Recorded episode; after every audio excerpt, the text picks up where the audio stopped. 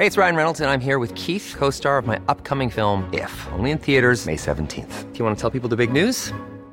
All right, I'll do it. Sign up now and you'll get unlimited for $15 a month in six months of Paramount Plus Essential Plan on us. Mintmobile.com slash switch. Upfront payment of $45 equivalent to $15 per month. Unlimited over 40 gigabytes per month. Face lower speeds. Videos at 480p. Active Mint customers by 531.24 get six months of Paramount Plus Essential Plan. Auto renews after six months. Offer ends May 31st, 2024. Separate Paramount Plus registration required. Terms and conditions apply if rated PG.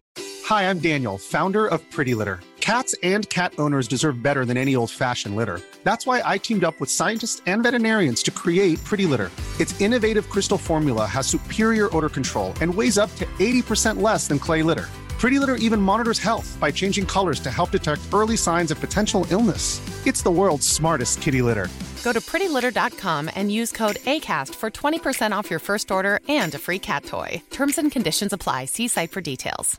Hey, it's Danny Pellegrino from Everything Iconic.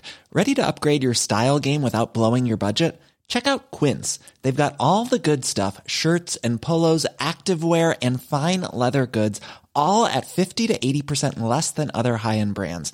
And the best part? They're all about safe, ethical, and responsible manufacturing. Get that luxury vibe without the luxury price tag. Hit up quince.com slash upgrade for free shipping and 365 day returns on your next order. That's quince.com slash upgrade.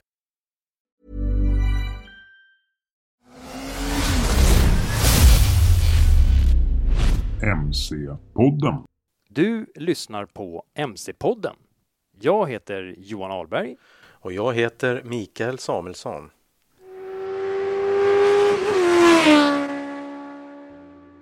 Ja, men då så. Då Micke kör vi MC-podden avsnitt 13. 13 ja. Ja. Ja, välkomna då till Olycks eh, MC-podden. Det är avsnitt nummer 13. Mm. Välkomna. Men eh, Micke, vad sitter du där och vinkar om? Jag tänkte vi kunde återkomma om det. Men Okej. jag vinkar till dig i egenskap av motorcyklist och Ja, då motorcyklist. vinkar jag ju tillbaka såklart. Tack. Ja, Trevligt. självklart. Hej vi Micke. åter- vi, hej Johan. Hej. Vi återkommer till det. Ja. Först kan vi, s- vi kommer ju gästas av Tobias Persson från Ducati som berättar lite mer om sin motorcykelbakgrund och eh, sitt liv på två hjul. Eh, och som eh, den person han är i den positionen han är inom Ducati. Mm. Ja.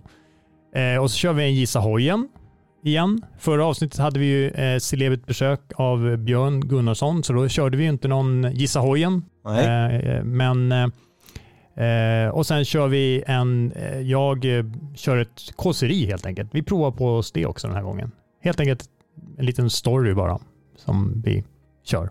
Mm. Men först. Vi kör ett eh, första klipp i Gissa hojen. Ja, pang på bara. Gissa hojen med MC-podden.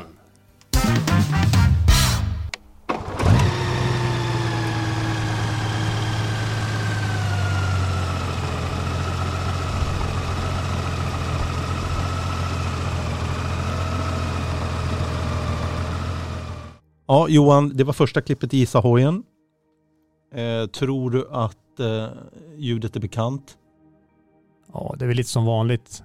Den som vet vet, men eh, det är ändå en, en, ett motorljud som ändå sticker ut lite grann ska jag säga. Det är inte Okej. ett ljud som är vanligt. Eller ja, nej, det ska jag inte säga. Det, det, det är verkligen Det, De- fin- det finns två klipp till med chans för att gissa rätt. Ja. Och vi ger lite mer ledtrådar efter andra. vinnaren får en mjukglass. Ja, du får stå för den. Ja, okej. Eh, är det inte dags att släppa in Tobias på Ducati? Ja, vi säger välkommen till Tobias Persson.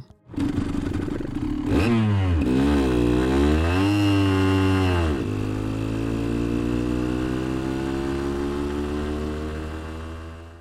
Eh, jag heter Tobias Persson. Eh, jag jobbar på Ducati, eh, brand manager för Ducati i Sverige och Norge. Alltså ja, ansvarig för Ducatis försäljning i de här två länderna. Bor i Kungsbacka sedan ett antal år tillbaka. Västgöte från början, från Ulricehamn. Sedan har jag haft en sväng på Gotland i 20 år och därefter tillbaka då till västkusten igen. Om vi gör så här då. Vi börjar med att backa hel, helt tillbaks här till, vad vet jag, uppväxten. Um, hur började allt med det här med tvåhjulingar? Vilket är ditt första motorcykelminne? Ja, det började ganska tidigt. Eh, mina föräldrar är motorcykelåkare, framförallt min pappa. Han har åkt eh, cykel i över 60 år i rak följd. Eh, varit med sedan 60-talet. Så det började väl det att man, eh, man körde cross. Började med en Bat Baby, 50 kubik, när jag var 3-4 år kan det vara.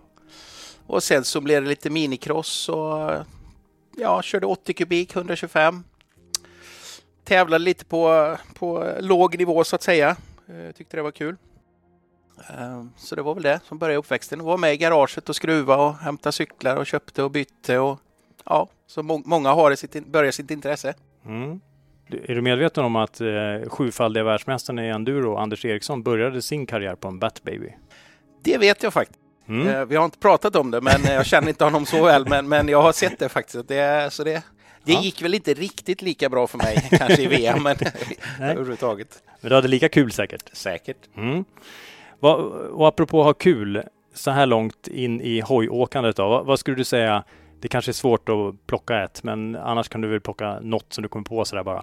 Vilket skulle du säga är ditt bästa motorcykelminne?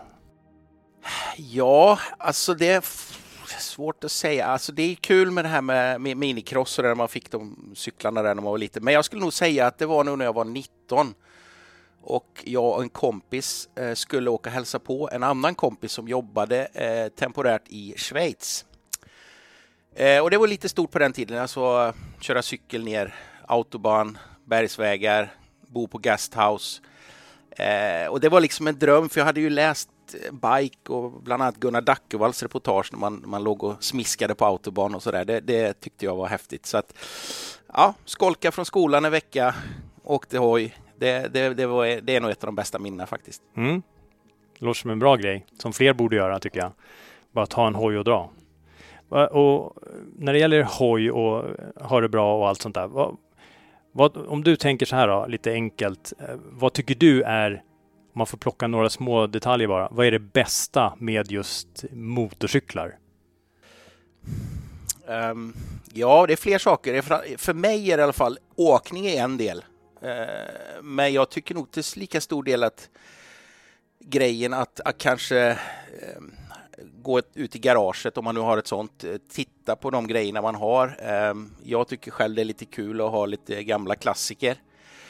Både tvåtakts och, och lite gamla Ducati och sådär. Putsa, greja, eh, leta delar. Ehm, ja, men prata om gamla, ja, det blir väl gamla minnen, men, men lite som så här runt omkring hela, hela atmosfären. Så för mig kanske det inte alltid bara är att köra cykel. Det är också kul, men, men eh, ja, he, hela communityn så att säga. Det, det, är jag nog inte ensam om att tycka i och för sig, men, men ja, det är en stor del.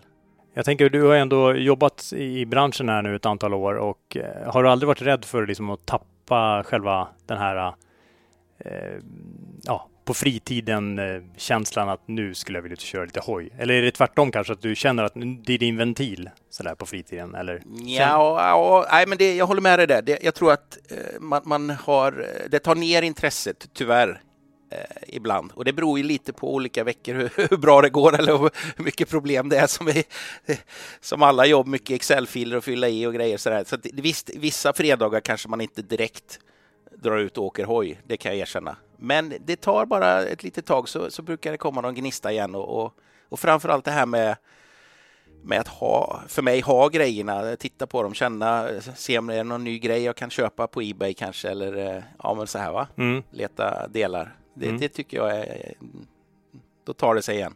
Men om du nu får lite tid över från Excel-arken och sådär. Jag vet att du ska till Sardinien nu och njuta av lite körning och sådär. Eh, visserligen i jobbet, men, men i övrigt så här, jag tänker på hur skulle du säga eh, den perfekta hojdagen och vilken hoj kör du? Hur ser den ut liksom den dagen? I mitt fall nu då så skulle det nog faktiskt vara en jag gillar sporthoj från början, eh, Panigale i vårt fall då till exempel. Det, det, men det, det, är relativt begränsat om man Ryggen är inte som den är kanske och sådär. Men jag skulle nog ta en, en, en Desert X som vi har nu, en cykel. Eh, för det är en sån här allround. Du kan köra grus, du kan köra Ja, men lite som det vi pratade om, Kagiva Elefant, gamla eh, allround-cykel. Och, och, bara blanda lite vägar skulle jag säga. Mm. ja, behöver inte ha något speciellt mål utan bara, behöver inte vara så länge heller, men liksom där känna att ja. Mm. eh, Ut och sladda lite. mm, ja, Eller faktiskt. bara njuta Ja. av eh, fint väder och härliga små välkuperade grusvägar och sånt. Ja, Ja. det, Ja, det låter som en bra dag. ja, det tycker jag. Så Desert, Desert X en, eh, på lite roliga grusvägar. Mm. Ja. Eh, Men annars är ju liksom för många historiskt sett framför allt. Nu har det ju kommit de senaste åren massor spännande allcyklar eller äventyrsmaskiner, eh, Multistrada och allt vad de heter. Men jag tänker på, ni har ju ändå, Ducati har ju ändå en historia som sträcker sig många år tillbaka i tiden när det gäller just ehm, eh, bankörning eh, och framförallt racingen, alltså road racingen då i olika former. Jag tänker, eh, vi har ju liksom, om inte jag är fel ute nu, det finns risk för det, eh, man vet aldrig, men om inte jag är fel underrättad så har vi 15 VM-titlar i Superbike och senast förra året med Alvaro Bautista, Eh, spanjoren som, ja, man kan ju inte säga annat än att han dominerade eh, och även eh, har inlett det här året väldigt bra. Eh, jag tror han missade Superpolen bara i senaste, annars har han ju vunnit alla race hittills i år. Och sen hade vi eh, förra året som också blev eh, ett eh, guld, höll jag på att säga, titeln i MotoGP med, med eh, Francesco Bagnia.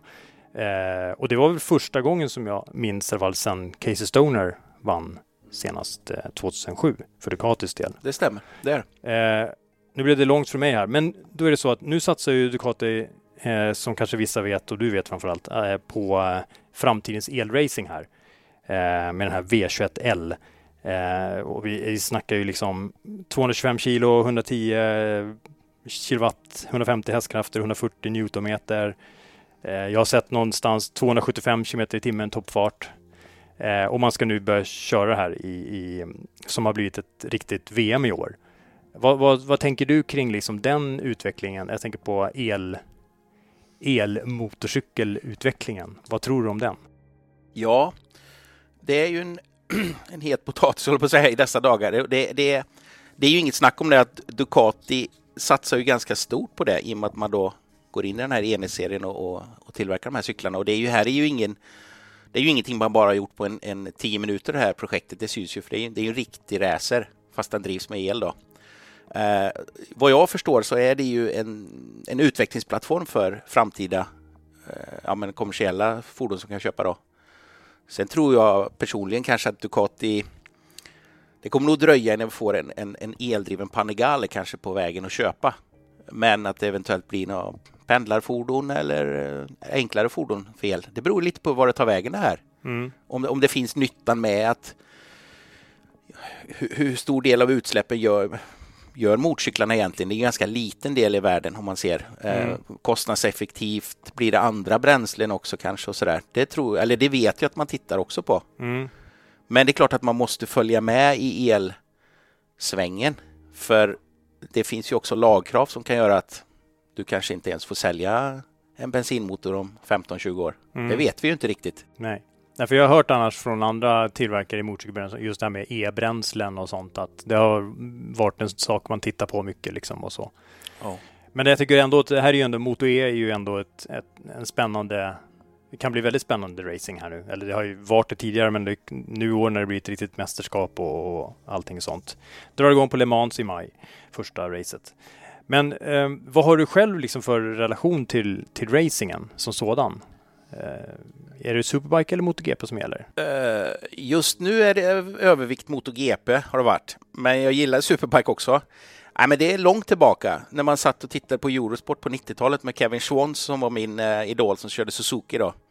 Eh, Eddie Lawson, eh, Freddie Spencer, alla de här eh, gamla åkarna. Så det, det har jag följt hela tiden sedan dess, sen jag åkte 125 för att det, det, för mig var det någonting som gjorde att intresset tog fart ordentligt då. Mm. Sen har jag inte utövat racing på, på bana på det sättet mer än att kört bandagar och sånt eh, för, för skojs skull då. Mm. Men, men jag har liksom inte gett mig in i tävlandet på det på, på bana så själv då. Mm. Men eh, Men när vi ändå är inne på det, jag tänker på, som jag var inne på lite tidigare här, att eh, när man tänker Ducati så är det ju många som just tänker sporthojar, Panigale, Eh, en och annan kanske tänker på Monster. Men nu nu är det ändå ganska länge i och för sig som vi har haft lite de här Multistrada och vi har även de här Supermoto, typ Hyperstrada och sådana modeller. Jag tänker på hur, hur liksom eh, hur ser det ut där med, jag tänker, nu har ni ju rallyn här också och Desert X. Eh, hur börjar det, jag tänker på inom själva Ducati-sfären. Är det en riktig Ducati för Ducatisterna? Liksom? Eller måste det vara en sporthoj skulle du säga? Um, nu är det en ja, känslighet potatis här kanske. Det är, det, är, det är en bra fråga. Det beror nog lite på vem du frågar. Vissa falanger av, av rätt trogna Ducatister i Ducati-klubben kanske är mer mot supersport och superbike och detta och, och kanske då har lite svårt för eh, Diavel och, och de här Power Cruiser-modellerna och, och, och offroad-grus. Mm. Men samtidigt så finns det ju det Ducati har gjort hittills, det, det finns ju ett arv hela tiden tillbaka. Mm. Så vi pratade om Kagiva på 90-talet som vann Paris-Dakar, det var ju en Ducati-motor. Mm. Ägde ju Ducati så att säga. Så mm. att, eh, där har vi den kopplingen. Um, men visst är det säkert så. Men, men det är faktiskt eh, nyheter tas, tas emot med ganska bra eh, öppet sinne ändå skulle jag nog säga. Mm. Eh, som man kan se på försäljningen då. Ja. Men, men visst, Ducati är ett sånt märke där gör man stora förändringar så, så, så, så, så ger det reaktioner från kunderna, vilket jag tycker personligen är kul, för då ser mm. man ju att eh, våra kunder är engagerade. Ja. Man tycker till om sin hoj, alltså man, är, man, man brinner för det. Ja. Eh, så att, eh, mm. Jag tänker lite på Scrambler där till exempel. Det mm. blev ju någon slags grej där att det ja. blev ett eget varumärke. Som liksom skulle vara lite utanför Ducati. Men har det, hur har det slagit ut liksom? Eh, tänker man så egentligen i verkligheten? Uh, nej, det skulle jag nog inte vilja säga att man gör nej. jättemycket. Det är väl det att det har urskilt sig i vår värld då, där Scrambler-grejerna har varit på något sätt en gul färg kring. Gult mm. och brunt lite sådär. Mm, mm medan Ducati då är, är rött eller racing. Just det. Så det är väl, men, men, men just att märket blev Scrambler, det, det tror jag kanske inte det blev, utan det är Ducati fortfarande. Ja, eller hur? Ja, ja. det är det. Eh, så att, nej. Det... Nej, för jag tänker också, jag tänker på svenska Ducatklubben, jag vet inte, faktiskt inte hur det ser ut internationellt sett, men svenska Ducatklubben skulle jag säga är en väldigt eh, stark eh, grupp sådär som verkar hålla ihop eh, tight liksom. Och där har jag också förstått att de faktiskt, de tillåter ju faktiskt eh, folk med multistrad och andra att hänga med på klubbdagar och sånt där. Så det verkar ju ändå vara välkomnande så.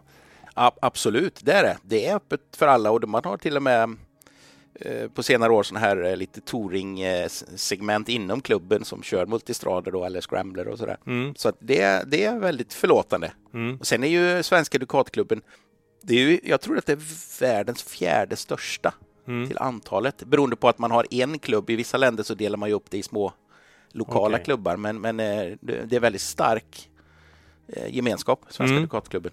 Jo, med tanke på antalet människor som bor här så, och, så är det väldigt intressant. Ja. Um, men om man säger så här då, för att återgå lite till den elektrifierade framtiden. Uh, vad skulle du själv sakna mest i en framtid om alla motorcyklar var eldrivna? Um, Ja, det är väl ljudet då. det får man väl säga. Det, det, är väl faktiskt det som kanske och vibrationer och sånt där som gör eh, som, som en förbränningsmotor ger av sig. Den är på något sätt mer levande kanske än en, en elmotor då. Mm. Sen kan man nog tycka att det finns en viss charm med de elfordon jag har kört, både bilar och, och motorcyklar. Det, det, måste man nog säga på mm. sitt sätt. Eh, men det är klart att det blir ju och kanske för ett märke som Ducati så, så är där ljudet är en stor del och alltid varit. Eh, typ ett signum, själen i maskinen så att säga. Så där, mm. där kommer det nog bli lite konstigt kanske med en el, elfordon då. Ja, men jag tänker för att uh, avrunda om lite andra saker här nu. Så här, finns det något uh, de flesta inte vet om dig? Kanske någon hemlig talang? Kanske ligger ja, helt utanför hojsvängen. Hemlig talang, det vet jag inte. Jag, jag, jag har ju jag kan köra stridsvagn ganska bra och stridsfordon eh, om jag vill, för jag har jobbat som yrkesofficer i 15 år innan det här jobbet. Det är många år sedan nu, men, men det är, jag vet inte om det är dolda talanger, men det finns, finns en viss kunskap om Försvarsmakten. Mm. ja. Så Ducati-stripad stridsvagn, det ja. vore något. Mm. Eh, jag tänkte så här, eh, vi ska köra en sedvanlig grej som jag kallar för tio snabba. Eh, och det är helt enkelt, eh, du får två alternativ och du ska snabbt eh, svara det alternativ som ligger dig närmast. Som du kommer på eller som du vill välja helt enkelt. Så tio snabba. Eh, här kör vi. Tvåtakt eller fyrtakt? Tvåtakt. Bensin eller el? Bensin. On eller offroad? Eh, offroad. Kick eller elstart? Elstart. Stark eller smidig? Smidig. Enkelkuts eller bönpall? Enkelkuts. Skinn eller textil? Textil. Muller eller dämpat? Muller. Wheelie eller stoppie? Wheelie. Lägga en lakrits eller äta en lakrits? Lägga en lakrits. Um, kommer en liten skruvad eh, sanning eller myt här. Eh, vi kan kalla det eh, Ducati tillspetsad. Um, där jag säger så här då. En äkta Ducati är röd, har torrkoppling, låter över hela stan och är bara för bandagar och raceførar-wannabes. Sanning eller myt? Ehm, för en del sanning, men för de flesta en myt. Tack för det. Nu trampar jag säkert någon på tårna med den här frågeställningen. Säkert. Så, att- men det, det bjuder vi på. Ja då. Tack så mycket Tobias. Mm, tack, jättekul att få vara med.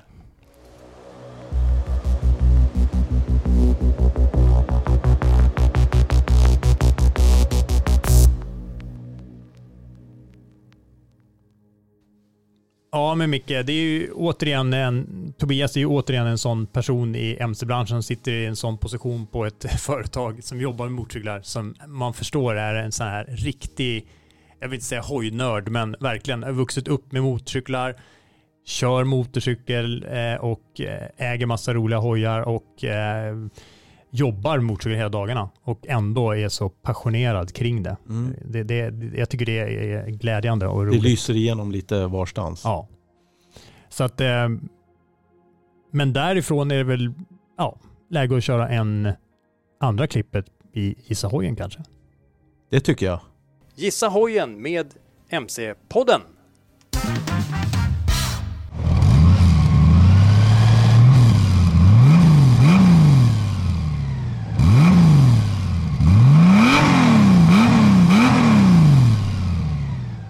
Ja, Johan, det var andra klippet. Och eh, ska du ge någon liten ledtråd här nu då? Ja, jag vågar nog inte säga ut för mycket, men eh, vi kan säga så här, eh, några grejer. Den är ju lite större än genomsnittet, erbjuder fantastiskt bra komfort eh, och eh, gott om bagageutrymme. Sa jag för mycket nu? Ja, snudd på. Ja. Men vi, vi bjuder på det tycker jag. Vi bjuder på det. Ja. Ja.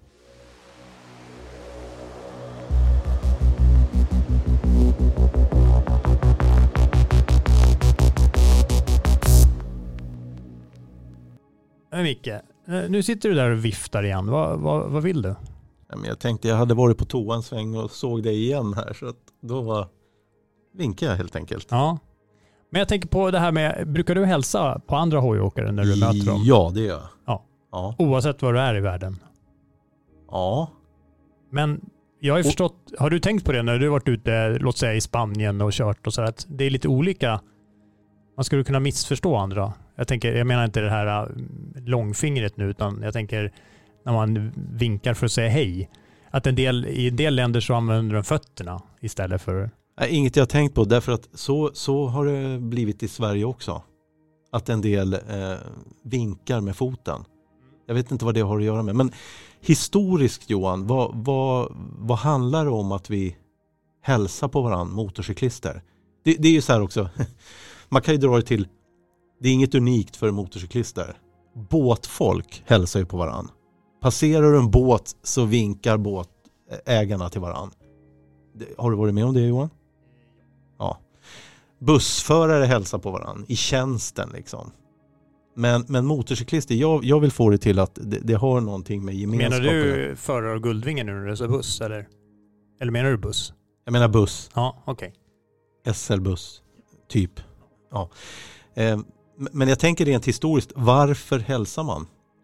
Det finns ju en del förklaringar om man, om man skulle googla på det så, så är, har det ju med gemenskapen att göra. Men det stod också någonstans att, att man hälsar för att vägen är fri liksom. Det, det stod något kryptiskt Okej. om det också. Men jag vill, ju, jag vill ju tro att det har att göra med en gemenskap. Alltså bror till bror, syster till syster, syster till bror. Ja. Ja. Du, du tänker inte på det här med att stoppa upp fingret och vifta lite så här snurr, snurr, snurr men- för nej, men att visa att det kommer finns- en polis eh, åt andra hållet. Nej, men sen finns det ju olika tecken naturligtvis. Ja. Mm.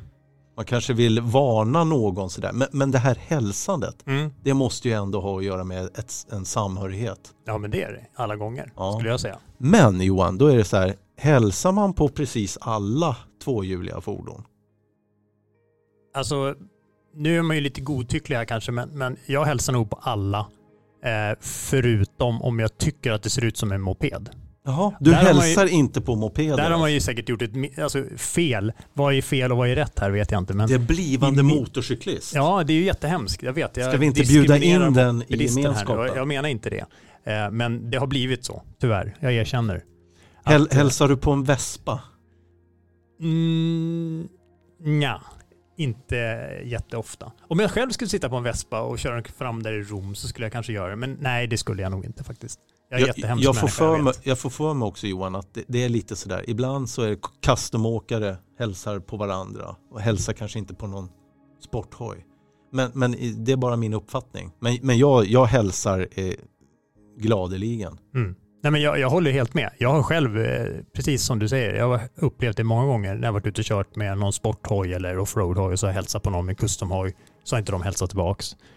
Eh, och, och, och även om jag har varit ute och provkört en customhoj och hälsat på någon med sporthoj så har inte sporthojsföraren hälsat på mig. Så att absolut finns det någon slags vi och dem grej där hos vissa. Men Det, inte det, det är ju en del alla. som inte hälsar tillbaks. Det är inte mycket att lägga... Nej. Nej.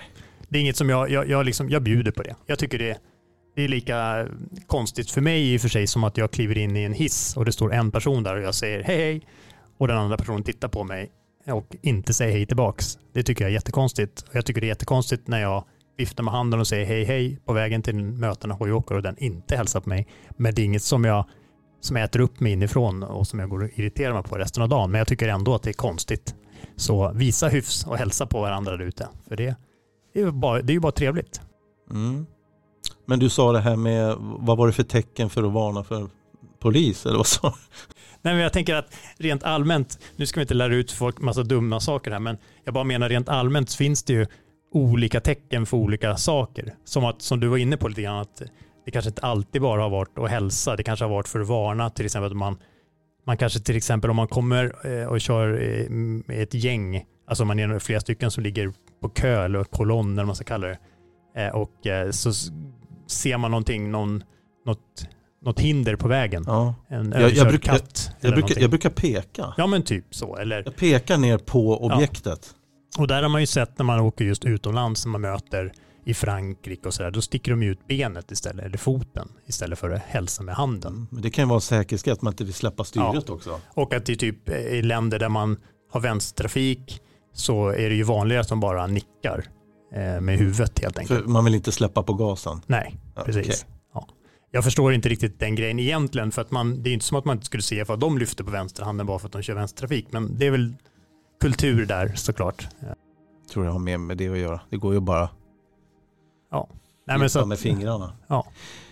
Så Du, jag, jag tycker eh, bara det är trevligt och vi har ju varit inne på det lite.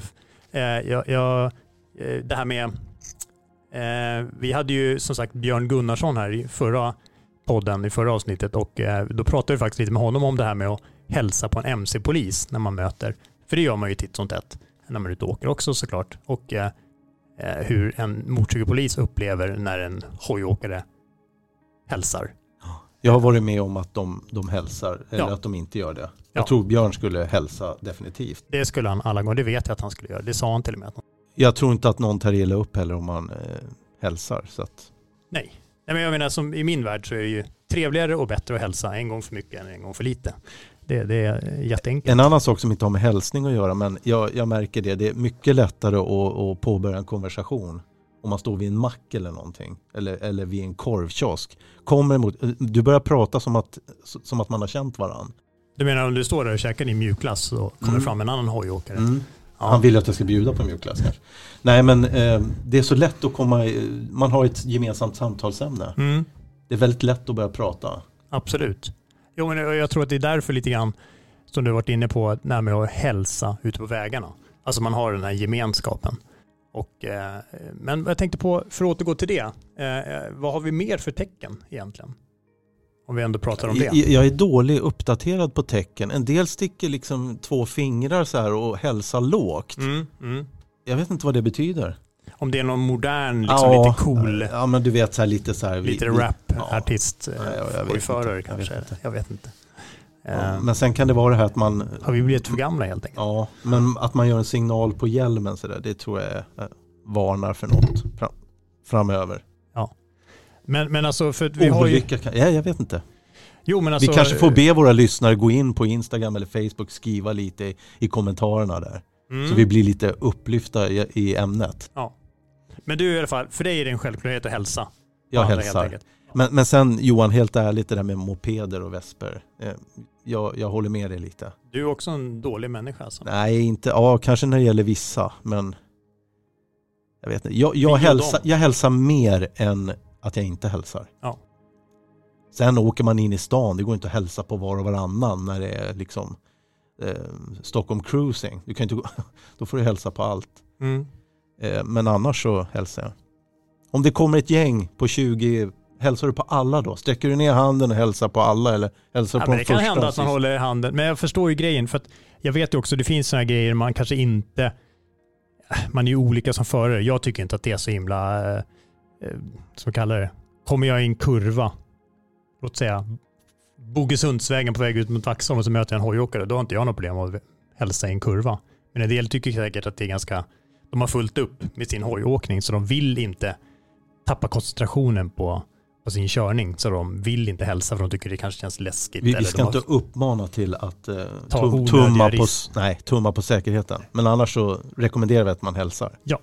Det är ju trevligt helt enkelt. Mm. Man vet aldrig också. Det är samma sak, vi har varit inne på lite förut att det är samma sak som där att det är som en självklarhet att om du ser en hoj stå i vägkanten så stannar du för att hjälpa den. Men det gör, det gör jag även om jag sitter i bil. Ja, om det står en hoj ja. Ja, Men inte om det står en annan bil. nej. Du ser, vi är dåliga människor. men vad har du själv då Micke för erfarenheter av det här med typ, ja men antingen hälsandet eh, eller inte hälsa eller, något, Eller- någon eller- incident med att stanna eller någonting sådär. Har du hjälpt någon? Eller fått hjälp själv? Ja, eller den här gemenskapen hojåkare emellan. Mm. Är det den du är ute efter? Mm. Ja, men en rolig sak, när jag var 16 år så hade jag en riktigt sunkig Suzuki GT 125. Mhm. Och det den låter inte så roligt. Nej, men, men det var vad jag hade råd med. Mm. Eh, Så jag åkte till Flen till mina släktingar där och när jag skulle hem därifrån så hände det någonting eh, med hojen. Så att jag blev ju stående på motorvägen i vägrenen och jag kände ju direkt att eh, hojen pajade ju och det visade sig sen att det var fel i kolven och sådär så att det var ju ett haveri utan dess like. Men då står jag där, eh, tagit av mig hjälmen, jag står och väntar, det kommer bilar, bil efter bil Det här var på svartvita tiden med, utan mobiltelefoner. Ja. Ja. Jag hade ingen mobil. Och jag står väl där och ser eh, lite ynklig ut liksom. Jag kommer ju ingenstans. Jag, jag, har, jag har ingen att ringa. Men det är ingen som stannar. Första hojen som kommer förbi eh, är en eh, custom av något slag. Och en, en eh, skäggig eh, lirare på. Som kör förbi mig. Men, men kollar ju mer än vad bilisterna gjorde. Sen stannar han på vägrenen lite längre bort. Vänder, alltså det här är på motorväg. Han vänder och kör tillbaka på, på vägrenen. Han hade ingen bromsar alltså. Kan vara så. Eller lång bromssträcka. Så vänder han och kommer tillbaks och, och, och säger då så här med djup basröst liksom. "Eh, Har du problem? Ja, säger Ja. Eh, och då säger han, vill du ha skjuts till eh, närmsta mack? Tack gärna, säger jag. Eh, så jag hoppar upp bakpå och vi kör till nästa avfart, till nästa mack. Och där ringer jag ju min far då, då som får komma med, med släp och hämta den där. Hade inte de varnat dig för att åka med främmande äldre män? Ja, eh, förvisso, men eh, jag tänkte att jag tänkte att jag har ju skyddsutrustning på.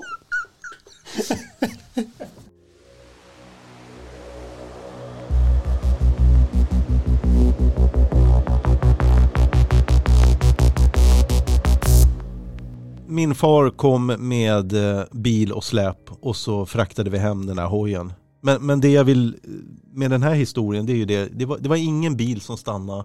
Men första motorcyklist tar liksom ansvar eller så här.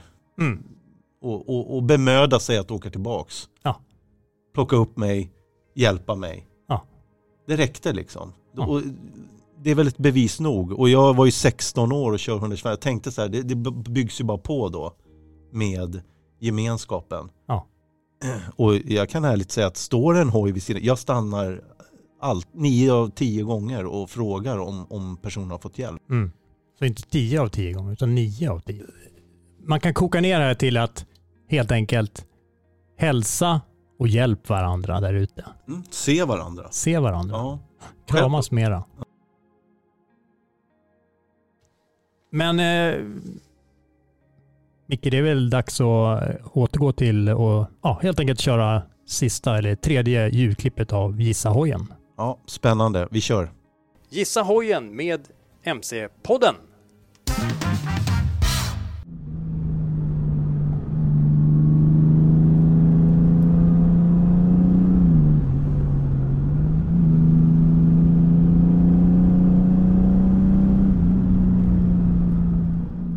Ja, Johan, det var sista klippet. Och eh, nu är det väl dags att eh, presentera facit. Mm. Du sa att det var en eh, större hoj Ja, med mycket packutrymme. Om jag säger Guldvinge, vad tänker du då? Ja, jag vet ju vad det är då. Ja. Mm. Honda Goldwing. Och man kan väl säga så här att ända sedan Honda lanserade sin Goldwing eh, redan 1975 för övrigt kom den, eh, då som en naken 1000 kubikare, så har ju den liksom varit ansedd att vara den ultimata touringhojen. Och jag har ju själv eh, bland annat kört med den på ringen, Nürburgring i Tyskland bland annat. Och ypplig hoj där, även där. Kanske inte snabbast runt banan, men det är i alla fall en, det är en sån hoj du verkligen, du kliver på, lastar den fullt och sen kör du tills du är framme. Utan att, man kanske får lite träsmak där också faktiskt. Men hur som helst, ehm, den finns ju fortfarande med, har varit med sedan 1975. Numera så snackar vi, eh, från början då var det ju en vattenkyld fyrcylindrig boxmotor med kardandrift. Eh, och sen har ju den funnits i olika versioner. Eh, och eh, nu, nu pratar vi om en eh, sexcylindrig motor och på 1800 kubik, eller mer exakt 1832 kubik. Den har funnits som GL1000, 1100, 1200, 1500, 1800 och från då i början så var det ju väldigt basic liksom, men det var ju komfort och det var packväskor och sådär. Men, men nu har det ju blivit extremt ännu mer avancerat, precis som alla andra hojar med. Eh, vi pratar liksom, den har ju blivit lättare och lättare också. Mm.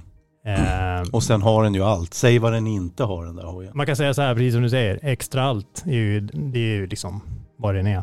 Vi pratar ju liksom, eh, eh, den finns ju både som sexväxlad med manuell låda och så finns den som sjuväxlad DCT, alltså en sån dubbelkopplingshistoria med, ja, och sen har den ju 7 tums instrumentskärm, navigering med gyro, kompass, Apple CarPlay, Android, bla bla bla, elmanövrerat kåpglas eh, och eh, olika kyr- körlägen, antispinn och sån här startassistans för motlut. Och det, det kan ju komma väl till pass när man står i en ja, lu, lutande backe. En sån. Sen, sen eh, sticker jag ut hakan här. Jag vet inte om, var, de först med backväxel? Ehm, Eller var det någon annan vågar hoj? jag inte säga om det var den, men jag skulle Att, tro att man, det. har, man har en eh, hjälpväxel så att den, den backar om det är lite lut.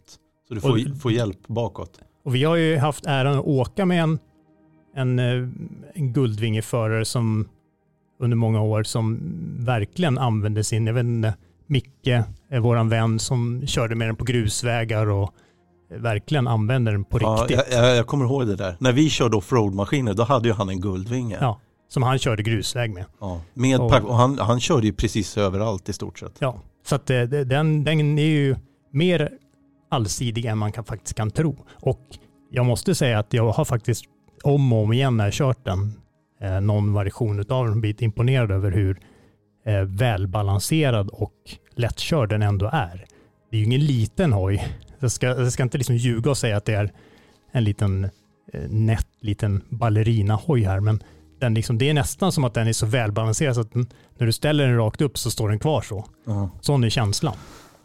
Ja, onekligen en hoj som många känner till. i alla fall. Ja. Nej, men så att det, det är ju verkligen den lyxigaste touringmaskinen man kan, kan ha. Eh, Så att, och den finns ju i två versioner numera. En vanlig Goldwing och så Goldwing Tour där Goldwingen är lite mer bagger, sådär med utan toppväska och lite så. så att, Mm.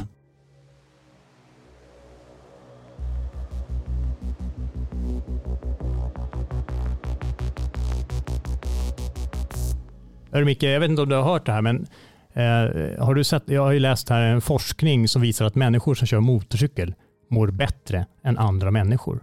Mm. Är, är du förvånad? Nej. För eh, det här är ju en, en studie som kom för några år sedan och eh, där man, det var tre forskare som kopplade upp mätutrustning som registrerade hjärnans aktiviteter och hormon, hormonnivåer på de här testpersonerna. Det var 77 motorcyklister, män och kvinnor i olika åldrar och eh, mätvärden då togs före, under och efter att de hade kört sina motorcyklar.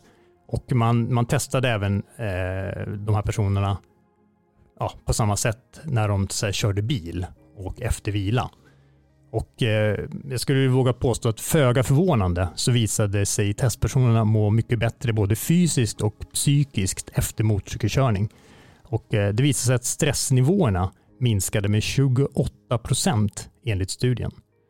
Och eh, under en 20 minuters hojtur visade det sig att adrenalinnivåerna ökade med 27 procent och hjärtfrekvensen ökade med 11 procent. Så att det, det var liksom också samtidigt så som man mådde bättre mentalt så fick man en slags eh, fysisk träningsrunda på två hjul. Och det vet ju alla som har kört kanske lite mer så här Eh, enduro eller någonting att det stämmer. Eller kanske rent av road racing och så. Men att man får det av en vanlig hojtur kanske kan förvåna. Och eh, en annan sak som de här studierna visade var att hjärnan blev mer på alerten under hojturen, alltså mera skärpt sådär. Och eh, då kan jag bara tänka mig hur man blir om man kör Isle of Man TT eller någonting sådär.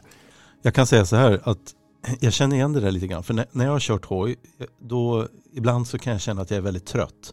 Jag trodde att det hade att göra med, eller tror, eh, gör jag ju, att jag är eh, så fokuserad när jag kör hoj så att jag blir liksom mer trött än när jag sätter mig och bara åker i bilen. Jag, jag vill ju komma hem, jag är ju mer oskyddad. Jag vill ju ha ett sätt att, att motverka eventuella faror. Så att jag tror det var därför. Men det kanske är så att det, det är också fysiskt ansträngande i någon form. Men jag håller ju med om också det här med att eh, eh, när, jag har klarat av ett MC-pass så mår jag bra. Jag, jag känner mig mindre stressad. Jag känner mig också mer energifylld. Så jag är inte förvånad över forskningen för jag tycker att jag, jag mår bra av det. Mm. Det är ju så att när, när man längtar till att åka ut så kan jag ju må lite sämre. För du vet, det, det, det pockar på att jag vill ut och åka. Och när jag har gjort det sen så, så får jag min beskärda del och känner mig uppfylld på något sätt. Mm. Så är det. Och jag, jag tänkte väl att jag ska komma in lite på det, för jag har ju, eh, vi ska ju bjuda på MC-poddens första kåseri här, som kommer följas av flera framöver. Men Mm. så i det här kåseriet som jag, eh, får vi höra lite mer om det här, hur jag tänker. Och kåseriet heter helt enkelt Lev livet, kör motorcykel. MC-krönikan. Runt om i världen pågår en ständig kamp om att finna lycka och mening med livet. Jag vet att många lider, betydligt mer än vad jag gör. Men jag vill påstå att mycket av all denna smärta, ångest, lidande och negativa tankar har ett effektivt botemedel. I mitt fall handlar det om att köra motorcykel. Jag menar inte att banalisera. Jag vet att många har ett mycket jobbigare liv än vad jag har. Jag har hälsan, mat på bordet och omges av människor som jag trivs med och litar på i alla lägen. Medan andra kämpar med näbbar och klor bara för att stå ut med tillvaron eller överleva ännu en dag. Nu är inte jag typen som deppar ihop, men ibland kan även jag ha lite för mycket skit på hårddisken inuti huvudet Och då är motorcykelkörningen ett oerhört effektivt sätt att blåsa rent huvudet på allt negativt som finns runt omkring. Det är helt enkelt den effektivaste medicinen som jag känner till för att njuta av livet, här och nu. Många gånger har jag fått frågan om jag inte är rädd för att jag ska dö när jag kör motorcykel eller gör andra saker som en del menar är livsfarliga. Tveklöst har jag befunnit mig i många livsfarliga situationer. Men för mig handlar det om att leva livet. Och då menar jag inte på något slags pubertalt sätt i stil med lev snabbt, dö ung. Utan något mer i stil med att jag vill leva livet och inte bara bli gammal på pappret utan att ha levt livet på riktigt. Men att köra motorcykel behöver faktiskt inte vara livsfarligt. Motorcykelkörningen handlar om så mycket mer. Och tveklöst har jag haft en hel del tur här i livet. Inte minst har det blivit många motorcykelturer. Och efter över 30 års motorcykelkörning har det ju blivit mängder av fantastiska motorcykelminnen. Många av mina bästa upplevelser har jag fått just genom motorcykelkörandet och vänner likaså. Det har berikat mitt liv något oerhört. Har du testat så vet du antagligen vad jag babblar om. Du som inte testat ännu, ännu är det inte för sent. Idag, eller kanske imorgon, är en perfekt dag att inleda ditt nya, betydligt roligare, härligare, bättre liv som motorcyklist. Det finns många nya platser att uppleva, många nya fantastiska personliga möten, många vägar att välja mellan och motorcyklar att köra. Jag har gjort mycket annat roligt, läskigt och spännande. Men motorcykelkörningen är det som aldrig sviker. Har du ont i huvudet? Är du arg eller ledsen? Eller kanske vill du bara ha en helt underbar stund för dig själv? Eller njuta av livet tillsammans med en massa andra sköna människor? Mitt recept? Dra ut och kör motorcykel. På vägen, på banan eller i skogen. Fort eller långsamt. Oavsett om du är en så kallad adrenalinpundare eller älskar att glida fram i sakta mak och lukta på blommorna. Gör det som passar dig bäst. Efter en stund kommer alla problem vara som bortblåsta. Så är det för mig i alla fall. Och det som kanske är bäst av allt är att detta livselixir funkar även minst lika bra för att må bra rent allmänt alla dagar i veckan då livet för övrigt är på topp. Vad ville jag egentligen säga med denna text? Jo, om du känner dig deppig, är stressad eller bara har det tråkigt rent allmänt, dra ut och kör motorcykel. Njut av kurvorna. Men du, var rädd om dig. Det är förhoppningsvis en dag för ännu mer fantastisk motorcykelkörning imorgon också.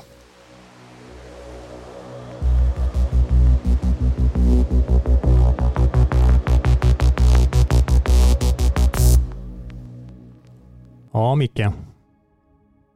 Lev livet. Ja. Kör motorcykel. Kör motorcykel. Mm.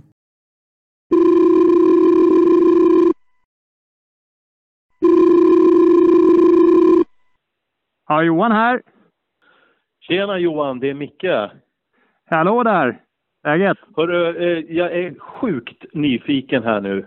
För det eh, hur går det för dig?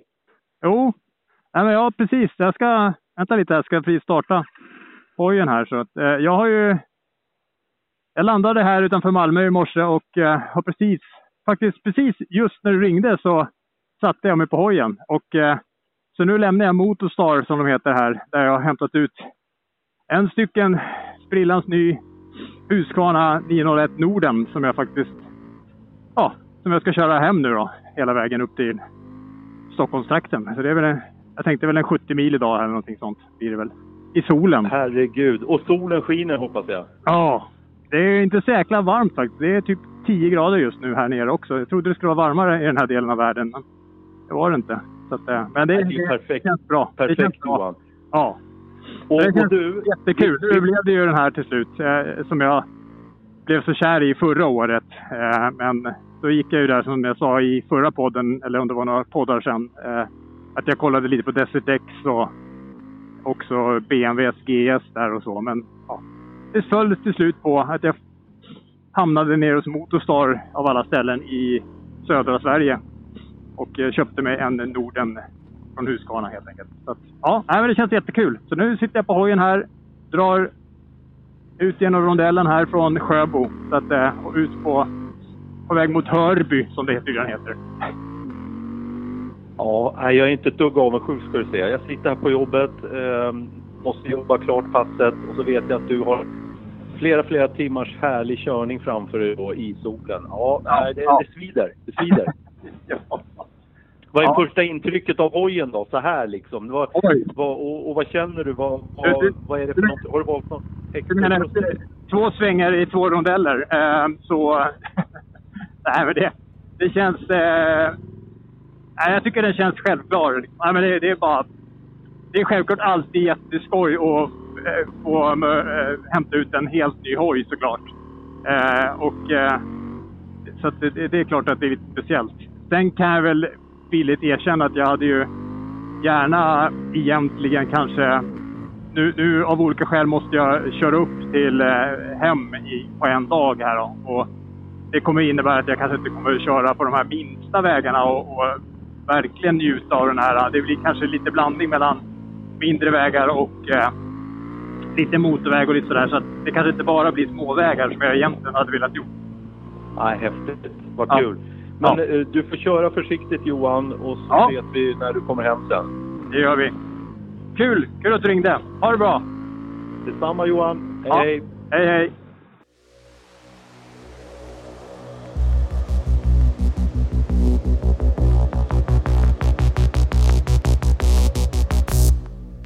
Men då har vi ju återigen, som jag brukar säga, allt roligt har ett slut. Och eh, i det här fallet så har vi kommit till slutet på avsnitt 13 av MC-podden. Mm.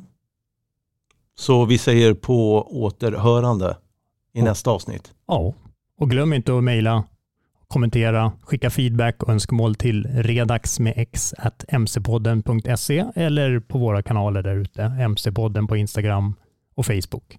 Japp. Så vi ser och vi lyssnar på alla kommentarer och tar till oss. Och eh, har ni några önskemål, någon drömgäst eller något ämne, någonting ni tycker, hör gärna av er så ska vi se vad vi kan göra. Mm. Och eh, kör försiktigt där ute Glöm inte att käka mjukglass. så hörs vi. Tack Micke. Tack Johan. Kör lugnt, kör snyggt. Hej. Hej.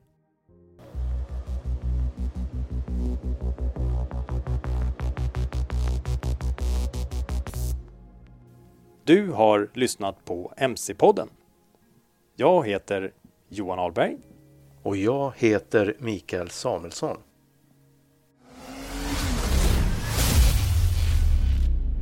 MC-podden.